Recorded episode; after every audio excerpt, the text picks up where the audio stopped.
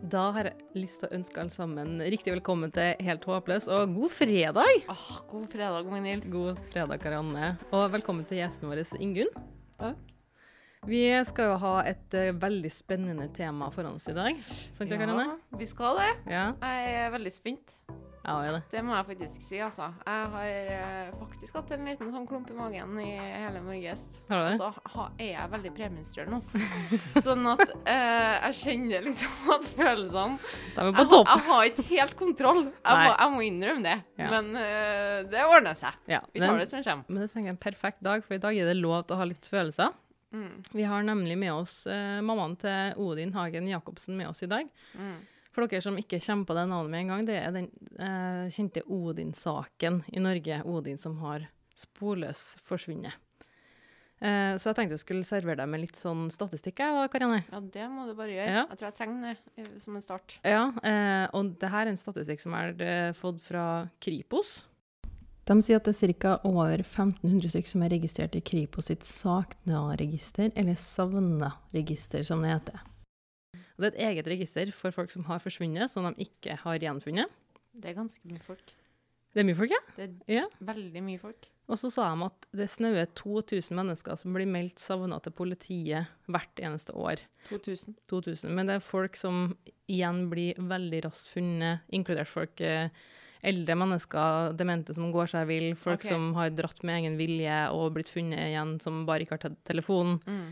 Det er 2000 stykker i året, da, så det er jo veldig mange. Men 10-30 av dem personene der, de blir meldt inn i det her eh, savnede registeret. Så ikke alle blir meldt inn der. Men når de først er i det registeret, så eh, er det der helt til det blir funnet. Ja. Mm. Hm.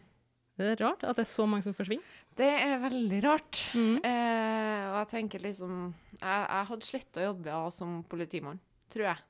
Eh, det er jo utrolig spennende, men det å på en måte vite at du har en liste med mennesker som har pårørende rundt seg, som på en måte ikke finner sin elskede, da. Mm. Eh, det, det er litt av et press.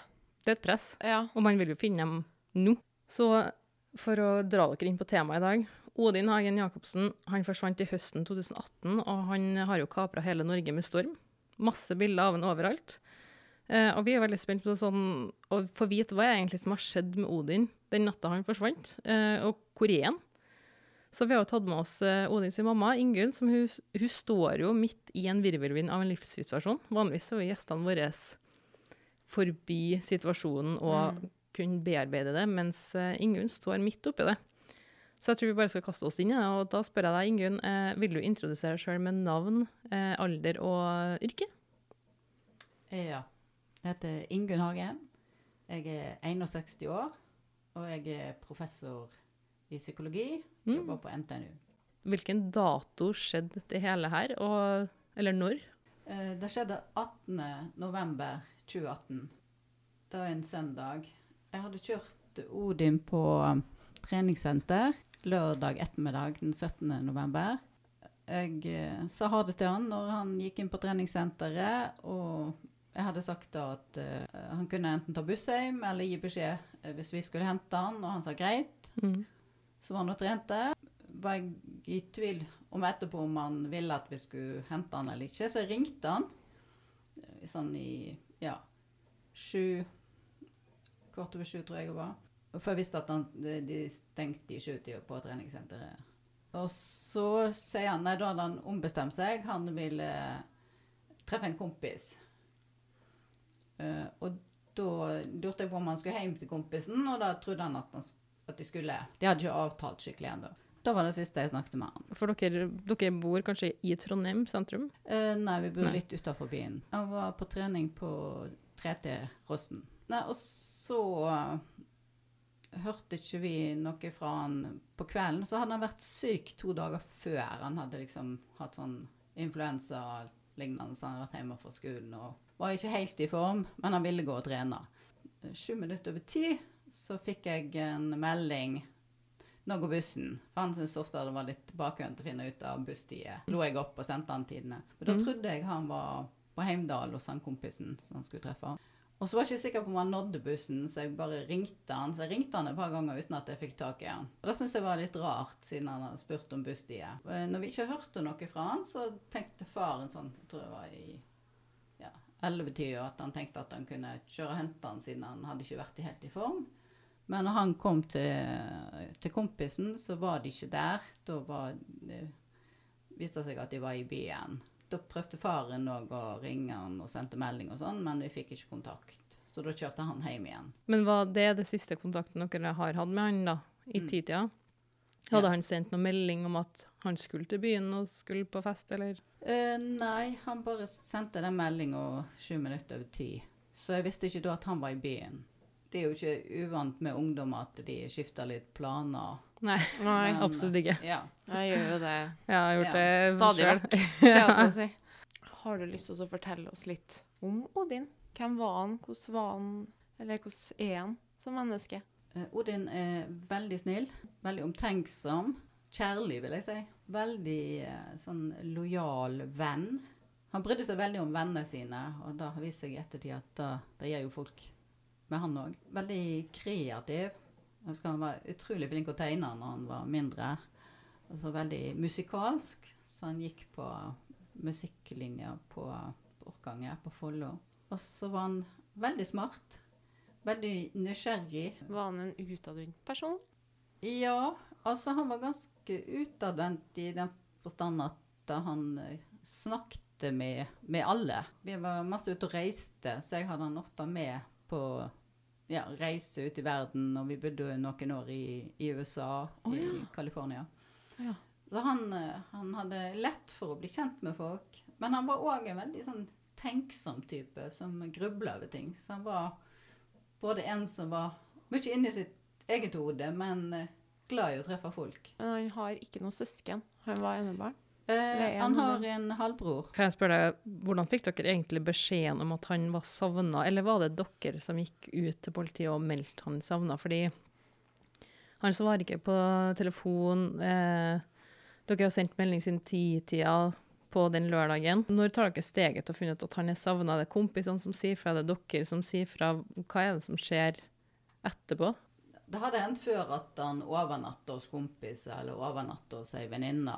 Sånn at, eh, og det var ikke alltid han var helt flink å gi beskjed. Sånn at jeg tok det egentlig Jeg likte aldri når jeg ikke fikk tak i han, for vi fikk jo ikke tak i han. Og til slutt så var eh, telefonen hans tom for strøm. Men han svarte ikke før den tid heller. Så neste dag, da husker jeg jeg skrev en melding til han. 'God morgen, Odin. Ring fra når du trenger skyss hjem.' Da sendte jeg vel sånn i halv tolv-tida, tenker jeg. Og så gikk nå timene.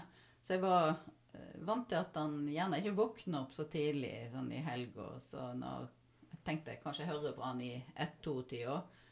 Og hørte ingenting, og prøvde å ringe han igjen. Og når klokka begynte å bli sånn halv fem, da kjente jeg det i hele kroppen at nå er det noe som ikke stemmer. Men eh, det var en gang før han kom hjem veldig sent på ettermiddagen. Eh, Og da hadde jeg ringt til politiet, og da var han sånn Ja, du er helt hysterisk. Lytterne, Og, ja. Så jeg tenkte ja, eh, jeg må nå vente lite grann. Men så begynte jeg å diskutere det med faren, og så fant vi ut at vi er nødt til å kontakte vennene hans, og vi kontakta vennene hans. Han han hadde skulle treffe den kvelden, han var ikke tilgjengelig på telefonen.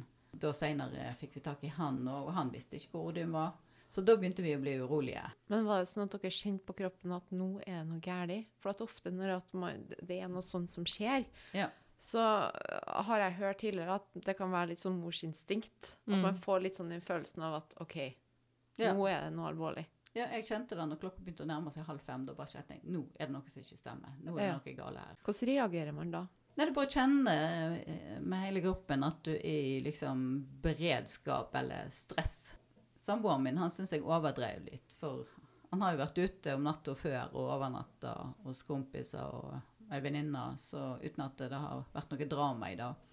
Men når det begynte å gå utover kvelden, da begynte vi å bli skikkelig urolige. Og når vi fikk kontakt med han kompisen han hadde vært ute med, og han ikke visste hvor Odin var, da, da ringte vi til politiet. Mm. Vi ringte vel til politiet halv ni-tida, tror jeg, den søndagen.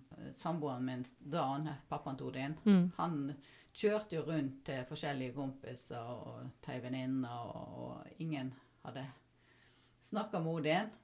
da begynte vi å virkelig bli redd. Og politiet kom jo hjem til oss den kvelden. Jeg tror kom hjem i tolv-halv ett-tid og begynte å spørre oss om alt mulig. Det var en sånn anmeldelse den kvelden. Men eh, vi måtte møte opp på, på politikontoret, så da måtte vi ja, formelt melde han savna.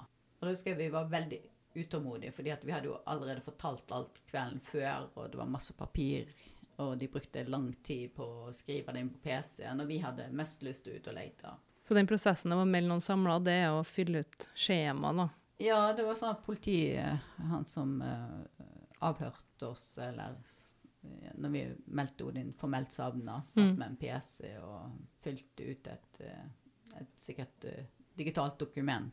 Er det noen regler i forhold til når man skal melde noen savna? Må de være savna så og så lenge? Må det være, er det noe grunnlag for om man får lov eller ikke får lov til å melde noen savna?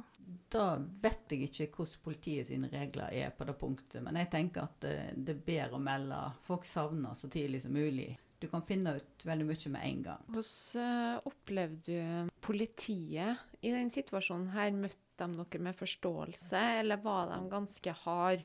De første kom jo hjem til oss om natta, og det var jo helt greit. Visste jo også at de tok det på alvor. Og når vi kom eh, på politikontoret, så var ikke vi opptatt av å få trøst, vi var opptatt av å forhandle sånn at vi kunne sette i gang en leteaksjon. Men så de starter etterforskning. Sånn senere nå så har det jo kommet fram masse videoovervåking, eh, der man ser videoer av Odin som går rundt i Trondheim by på ulike plasser eh, i et veldig merkelig gangmønster. Eh, hva tenker du om det gangmønsteret? Det er litt vanskelig å si. Han hadde jo vært ute med noen eh, Ja, i hvert fall én kompis som tok han med. Så traff de på noen andre som ikke var Odin kjente godt, som var mer bekjente. Mm. Og så var de på et hotellrom, og så skilte de lag sånn i ti over halv fem-tida om natta. Og da eh, dro de hver til seg. Vi var jo litt overraska over at ikke Odin ble med han kompisen hjem, for det hadde jo vært det mest naturlige. Nei, så da, Odin hadde jo noen timer før det gikk buss hjem. Eh, han hadde ikke strøm på telefonen. Jeg skulle ønske han hadde lånt en telefon og ringt oss, for vi ville jo kommet til å hente han med en gang. Men det var kanskje typisk Odin klokka var halv fem om natta og tenkte kanskje jeg venter litt før jeg ringer de, eller jeg venter på bussen. Så jeg oppfatta da at han gikk omkring i byen sånn. Det kan være fordi at han bare slo i hjel tid. Men han går i ja, det som politiet omtaler som et ulogisk mønster. Mm. Kan hende det var ulogisk, men kan hende han bare gikk der og prøvde å slå i hjel tid. Det er jo ikke så mye å gjøre midt på natta når man venter på en buss, på en måte. Ja, det var vel fire-fem grader den natta, så det er jo Ja. ikke så behagelig å sitte og vente heller. Nei, Det her var jo en sak som blussa seg veldig opp i media. Hvordan var det på en måte å skulle se sønnen din på alle aviser, på nyhetene? Og, og, og jeg tenkte liksom så mye på deg og samboeren din.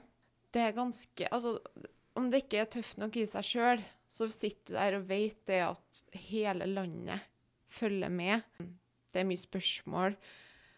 Ble det noe press rundt det? Syns du det var fint? Syns du det var vanskelig?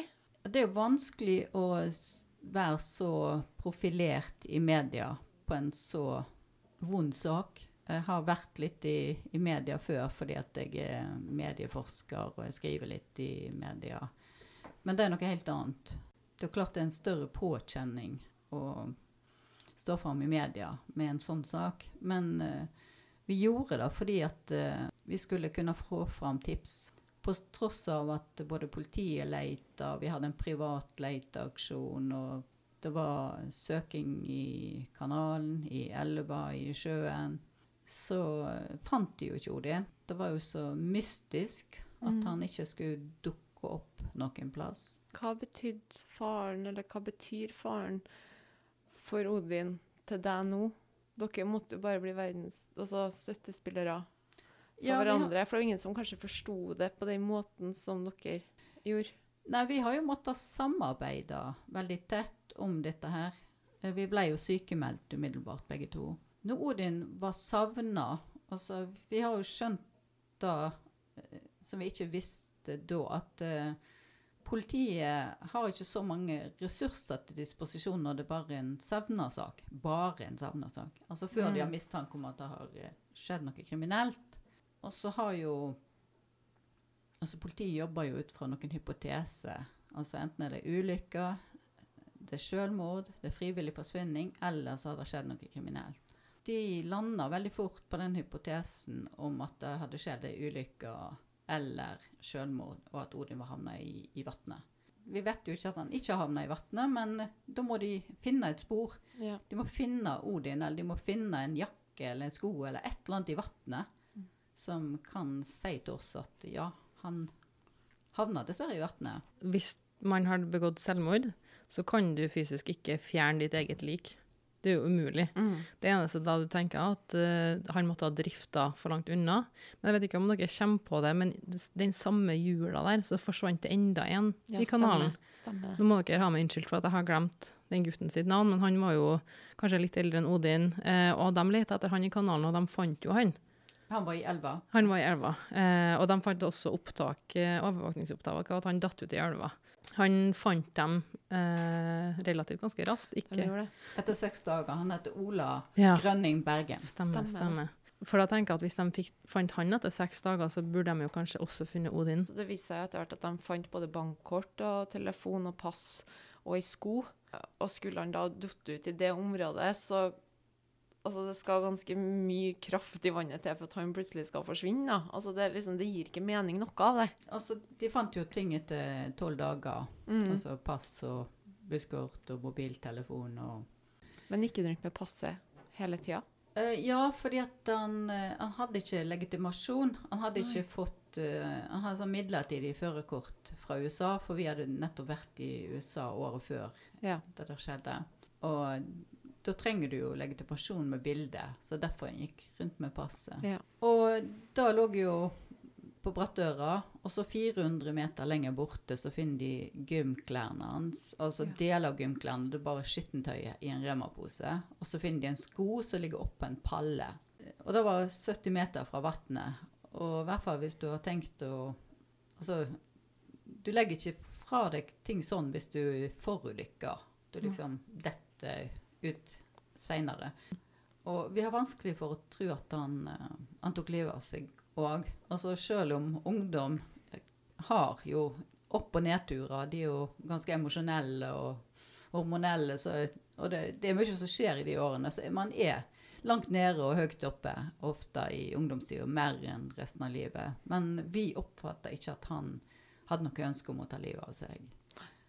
Ikke tror vi at han eh, forsvant frivillig heller. Han var for knytta til oss, hunden sin, vennene sine. Så vi heller mest til at eh, han har vært utsatt for noe kriminelt. For det du tenker har skjedd, hvis du ser bort ifra det som er bevis, eller eh, hvor klær og sånn ligger, det er den konklusjonen du drar med at det er det du tenker har skjedd med Odin? Ja, for det er jo så mye mystisk. Altså, de fant jo eh, en del av tingene hans oppe på Jonsvatnet. Fem måneder etterpå, var det? Ja. Ja. For da tenker jeg at hvis, du, hvis han allerede har falt eller falt i vannet, så kan ikke han gjemme sine ting på Jonsvatnet. Det er jo to mil unna bilen. ja. Nå ble jeg veldig overraska, for det her har jeg ikke fått med meg. Mm. Det er det som er så mystisk med det hele. Veldig mystisk, altså. Jeg så jo på Åsted Norge, den episoden der dere var med, og jeg syns det var interessant det han ene reporteren sa der, at hvis du, hvis du som person har gjort noe med Odin, eh, noe kriminelt, hvorfor skal du ta med deg tingene hans og plassere det ved Jonsvatnet, der de kan finne spor etter deg som kriminell? For det, det er jo veldig merkelig, for da du kunne kvitta deg med tusen, du kunne kasta de tingene i vannet, så har spor forsvunnet, du kunne kasta deg i en Fretex-container, f.eks. Det virker nesten som at man vil at det skal bli oppdaga. Ja. Jeg vet ikke. Veldig sånn brødsmuler. er. Ja. ja, det kan nesten virke som det er et forsøk på villedning. Men er det det siste sporet dere har nå, da? Altså, hvordan er status i dag? Altså, nå har det vært uh, mye oppmerksomhet, sånn som det kom fram i den siste Ås til Norge-sendinga. Eh, for det er en mann som uh, har sett en som ligner veldig på Odin, uh, oppe i Mostadmarka. Ja. På vei opp fra Hommelvik. Og han eh, så en som ligna veldig på Odin dagen etter Odin forsvant, altså mandag morgen 19.11.2018. Og han har meldt av tipset inn til politiet. Det gjorde han etter 14 dager. Da ble ikke han kontakta eller avhørt av politiet, for da hadde de akkurat funnet ting på brattdøra. Så var han litt frustrert over at han ikke ble kontakta av politiet, så han gikk og snakket med folk i Hummelvik og i det området som eh, han bodde. Så vi fikk tipset for vi, eh, vi får jo ikke innsyn i alle tips som politiet får, men det hender jo at folk tipser oss. Men her var det sånn eh, noen som hadde vært i, i en bursdag der han hadde snakka om saken, som kontakta oss. Så da kontakta vi han. Og han virka jo som en veldig troverdig fyr, men akkurat da hadde politiet så mye annet spor de forfulgte.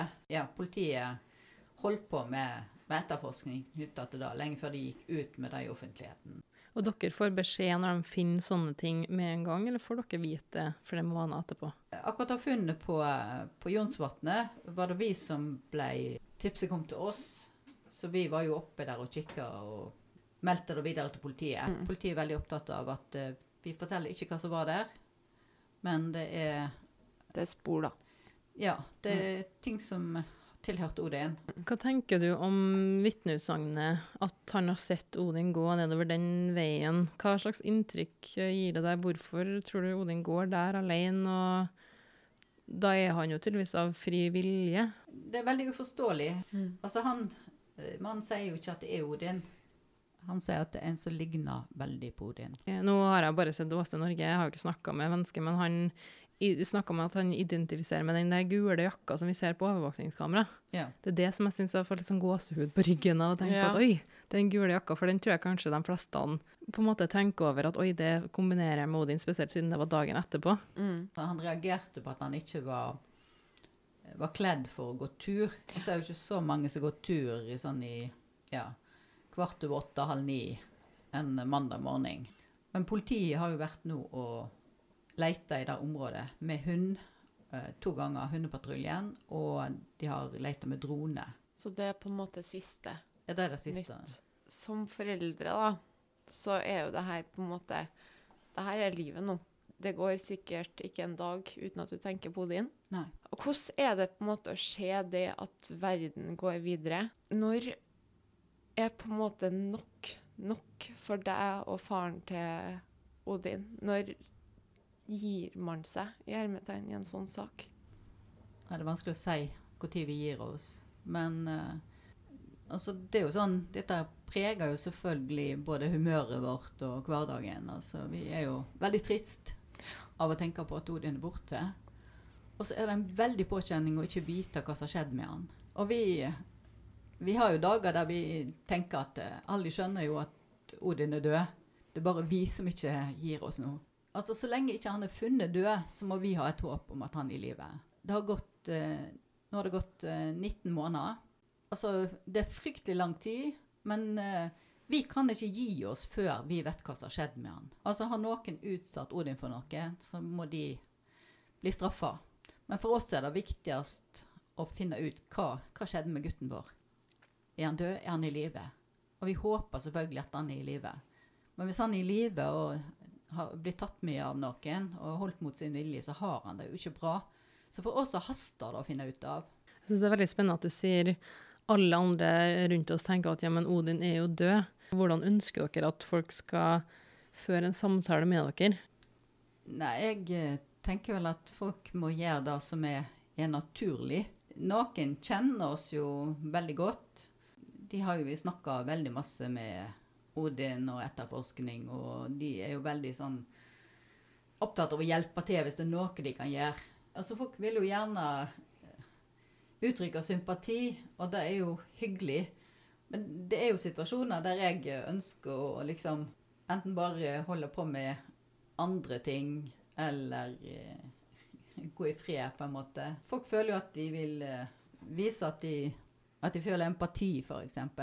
Det er vanskelig for meg å si. Av og til er det godt for meg å ikke snakke om Odin hele tida òg. Og det er godt for meg å snakke om Odin når jeg har lyst til å snakke om Odin. Når de møter deg, så føler de jo at de vil si noe om det. Jeg husker når jeg var tilbake på jobb, for jeg begynte 50% Og da var det mye diskusjoner om hvordan folk skulle snakke med meg. Og jeg tenker at for noen som jeg kjenner godt, så er det kanskje naturlig å, å spørre ja, er det noe nytt om Odin. Men eh, det var ganske anstrengende når alle spurte ei stund. Er du flink til å si fra når du er lei? Jeg er vel ikke lei. Jeg er vel ikke så flink til å si at uh, nå har ikke jeg lyst til å snakke om Odin. Mm. Fordi at uh, de har jo et behov, så jeg prøver heller å være litt kort. Hva gjør du når at du på en måte ønsker å koble denne saken ut? Står opp, og så gjør jeg yoga hver morgen. Vi er Ja, vi er det. vi, vi kjenner til det. Jeg elsker det. Ja. Og så er jeg eh, glad i å gå tur.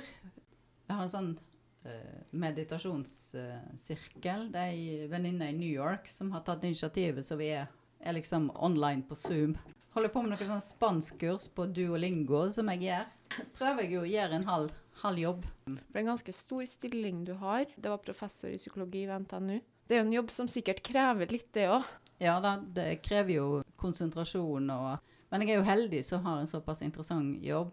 Er professor i psykologi, men jeg har òg utdanning som medieforsker. Men føler du, siden du er professor i psykologi, føler du at du kanskje har litt bedre bakgrunn til å takle en sånn her situasjon? Fordi du vet jo mye om knagger og henge ting på og verktøy som man kan bruke, men kanskje ikke Er du flink til å bruke de verktøyene i din egen situasjon? Jeg føler jo at uh, gjennom meditasjon og yoga så gjør du litt uh, i forhold til bearbeiding av ting. Men eh, jeg tror ikke noen kan være sin egen psykolog. Om du kan masse om psykologi, så er du privatmenneske òg. Der kan du ikke helt bruke dine egne faglige innsikter alltid. Så du, du fungerer ikke som psykolog for deg sjøl. Jeg har prøvd det noen ganger. Det var min egen lille møte. Det har ikke gått så bra. Nei. okay. Nei, så jeg går til profesjonell psykolog for første gang i mitt liv. Og det er, det er greit å, å ha noen som eh, både er profesjonell og som har taushetsplikt, så kan jeg komme inn der og snakke om Odin som ikke jeg vil. Med venner så har du jo ikke lyst til å bare snakke om det temaet, eller om hvordan du sjøl har det. Altså, du har jo lyst til å være sammen med vennene dine på litt normale måter. Altså, hvordan har de det i livet sitt, f.eks.? Sånn, for at dere skal komme dere videre i saken, politiet har lite ressurser. Men hva kan Kari og Ola Nordmann gjøre for å hjelpe dere? De må gjerne komme med tips. Alle tips som de tror kan ha betydning, og det kan være småting. Altså fordi at dette er et puslespill, og en liten brikke kan ha veldig stor betydning. Eller at folk har øynene med seg hvis de ser noe ute i sjøen, eller i skogen, eller i byen. Eller at de bare hører rykter, for folk snakker mye om, om Odin. Mm.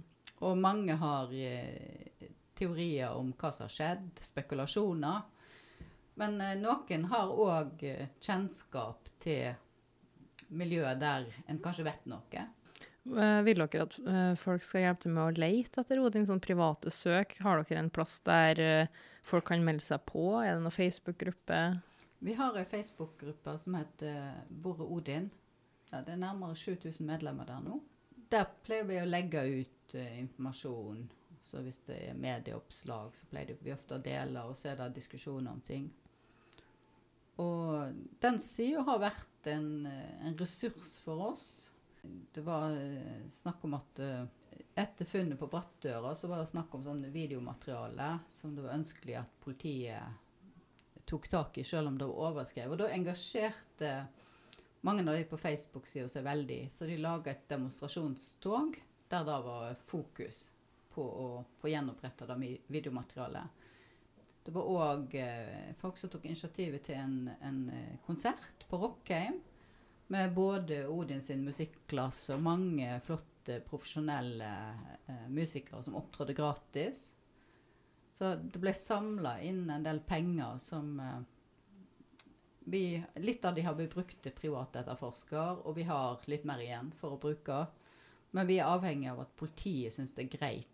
For vedkommende kan jo ikke starte fra ingenting. De må jo få tilgang til, til materiale fra politiet for å kunne gjøre en, en jobb. For du snakka litt om hvordan folk spekulerer, og folk snakker, og folk har sine egne teorier.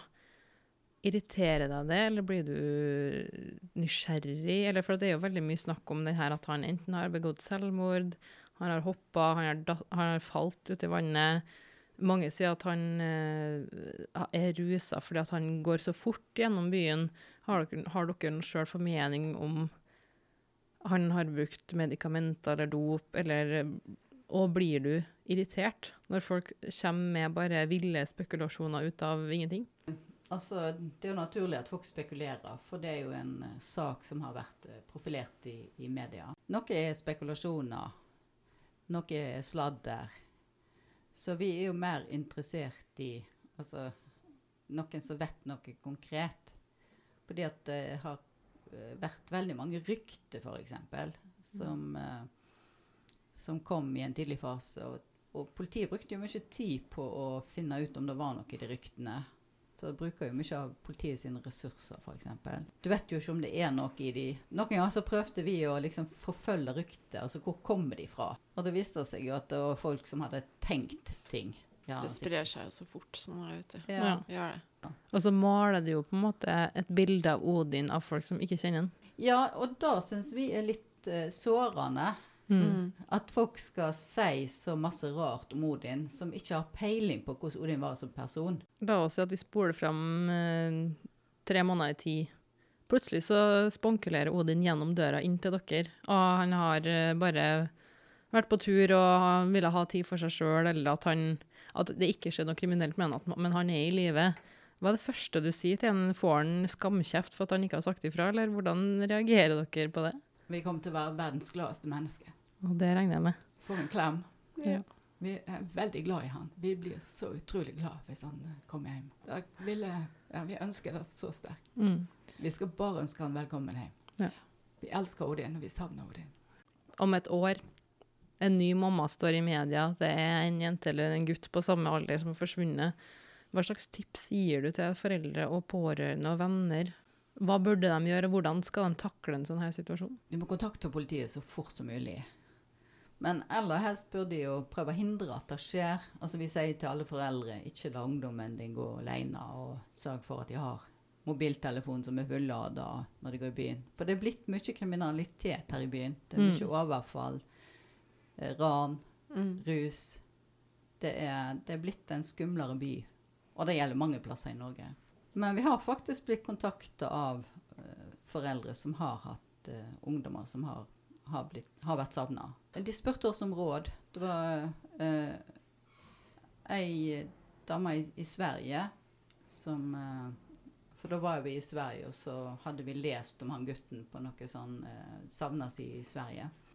Hun var veldig opptatt av å diskutere sine erfaringer. Blant annet så sier hun til oss Tror dere hvis uh, Lukas og Odin hadde vært jenter, at politiet hadde brukt mer ressurser på å, å lete etter dem? For det trodde hun. Og det tror vi faktisk.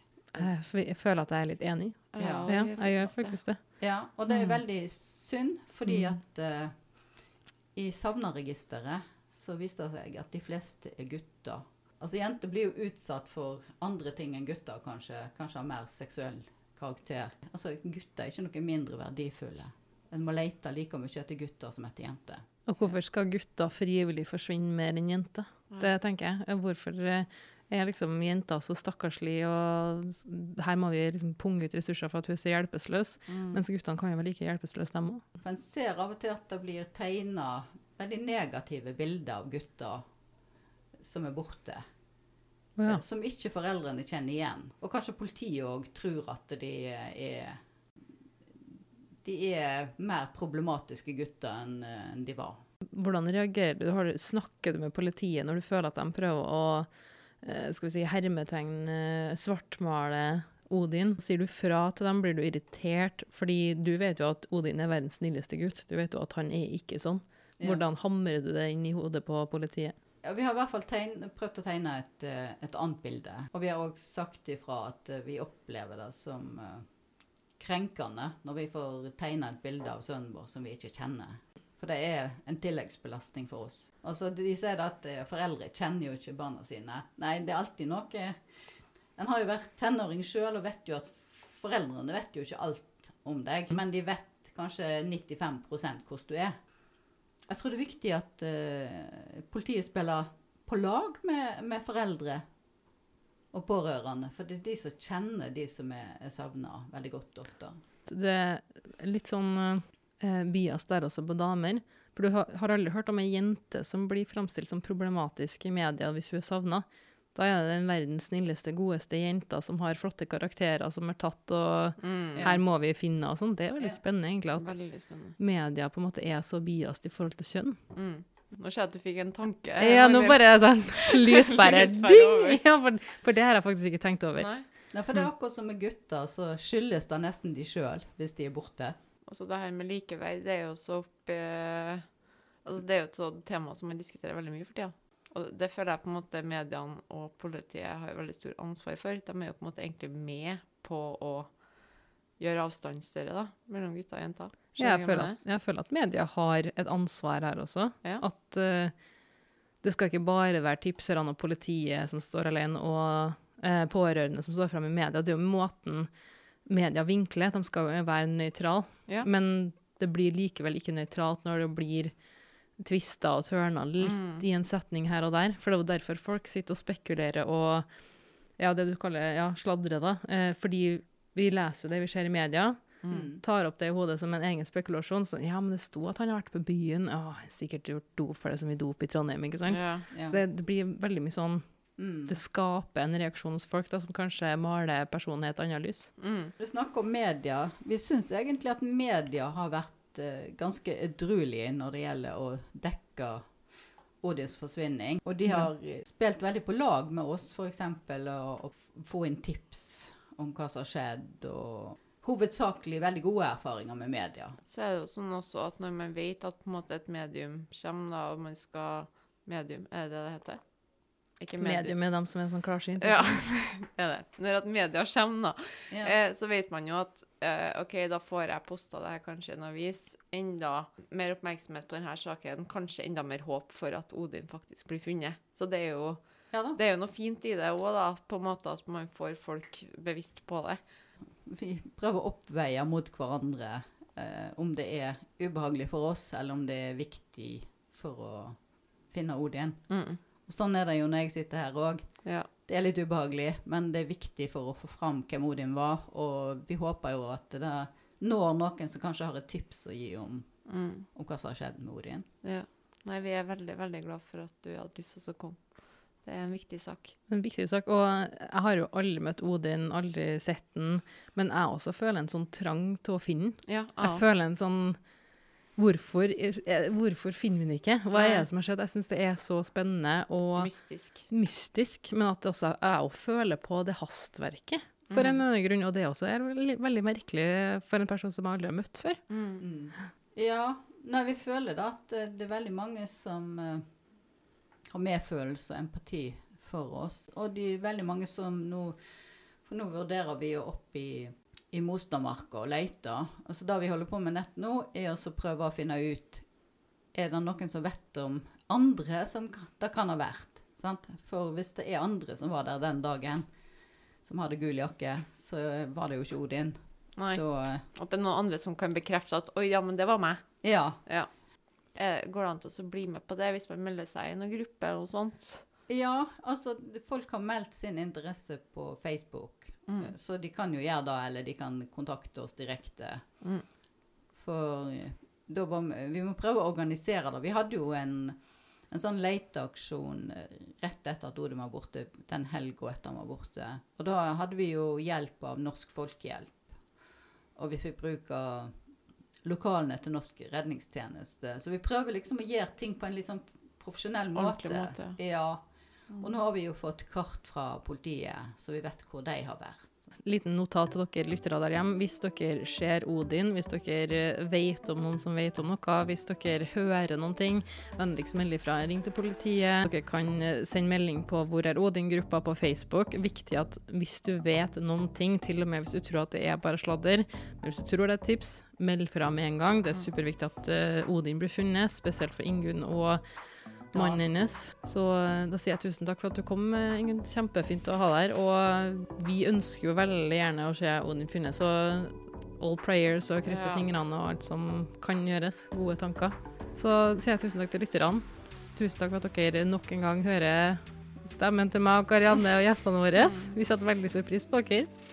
Så ønsker jeg alle sammen en riktig god helg. God helg, alle sammen. God helg, Ingunn. Tusen takk. Så ses vi neste uke. neste Hvis du likte denne episoden, så håper jeg du tar deg tida til å gå inn på iTunes og gi oss en strålende anbefaling, så vi kan nå ut til flere akkurat sånn som deg. Husk på å abonnere på podkasten vår i Spotify, så du får med deg neste episode. Har du en spennende livserfaring, historie eller en episode der du var helt håpløs, send oss en DM på Instagram til hh-pod.